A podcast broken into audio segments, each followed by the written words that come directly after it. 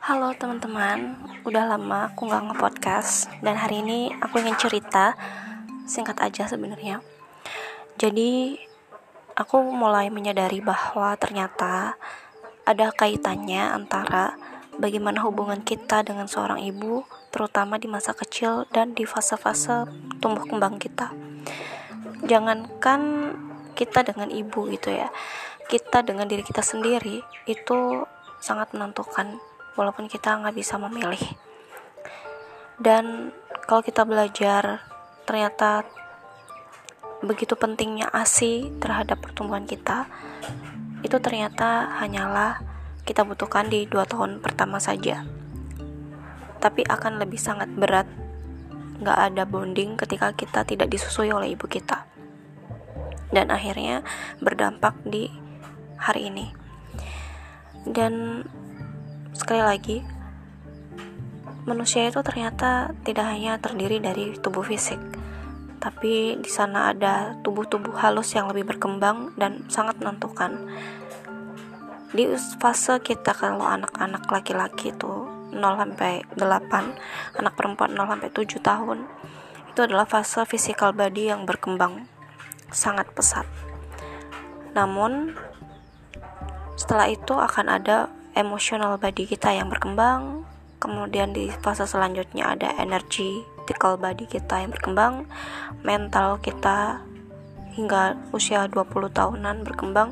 Dan yang paling terakhir adalah spiritual body yang mana itu bisa berkembang hingga 40 tahun. Dan hari ini kita mungkin mengalami perasaan-perasaan tidak nyaman mungkin ada pengasuhan dan interaksi yang antara kita dengan orang yang mengasuh kita mungkin orang tua kita atau siapa pun itu.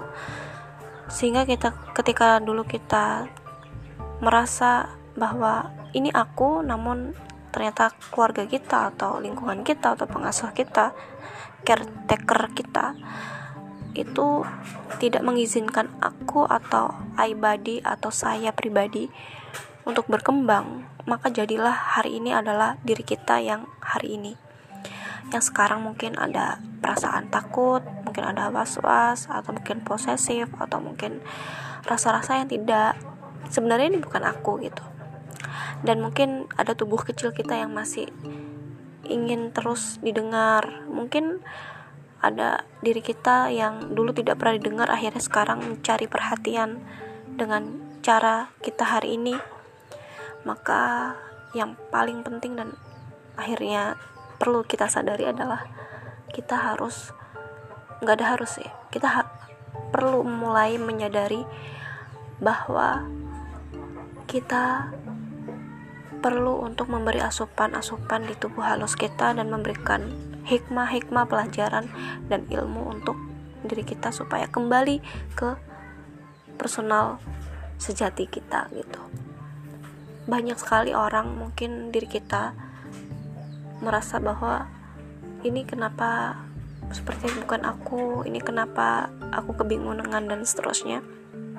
Karena itu salah satunya adalah kita telah terputus koneksi dengan diri kita di masa kecil dulu. Mungkin kita ingin itu namun orang tua tidak menghendaki sehingga terputuslah.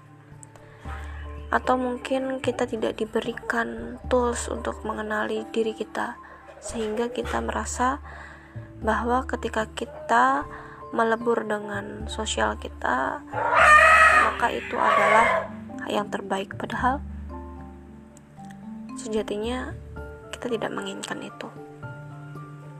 Dan jiwa yang paling jernih fitrah secara fitrah itu adalah kita pasti selalu ingin kebaikan-kebaikan tuh hadir.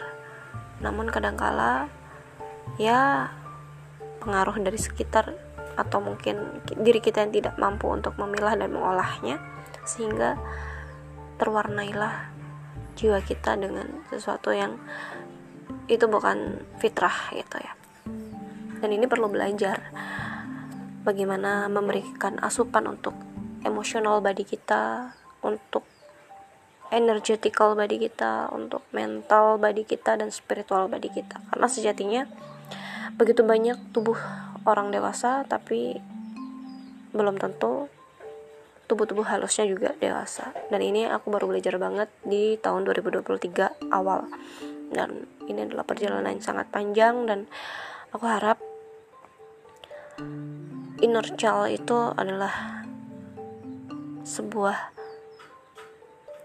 kontemplasi diri untuk mengenal lebih dar lebih dalam dan bisa memperbaiki secara menyeluruh. Dan sebentar lagi Ramadan mudah-mudahan kita diberikan umur kesempatan oleh Allah untuk healing di bulan Ramadan.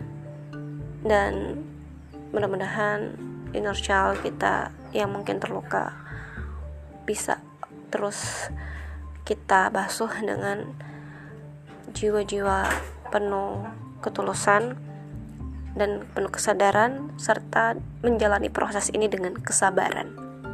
Oke, okay, podcast sekian untuk di bulan Maret ini. Thank you sudah mendengarkan. Bye bye. Assalamualaikum.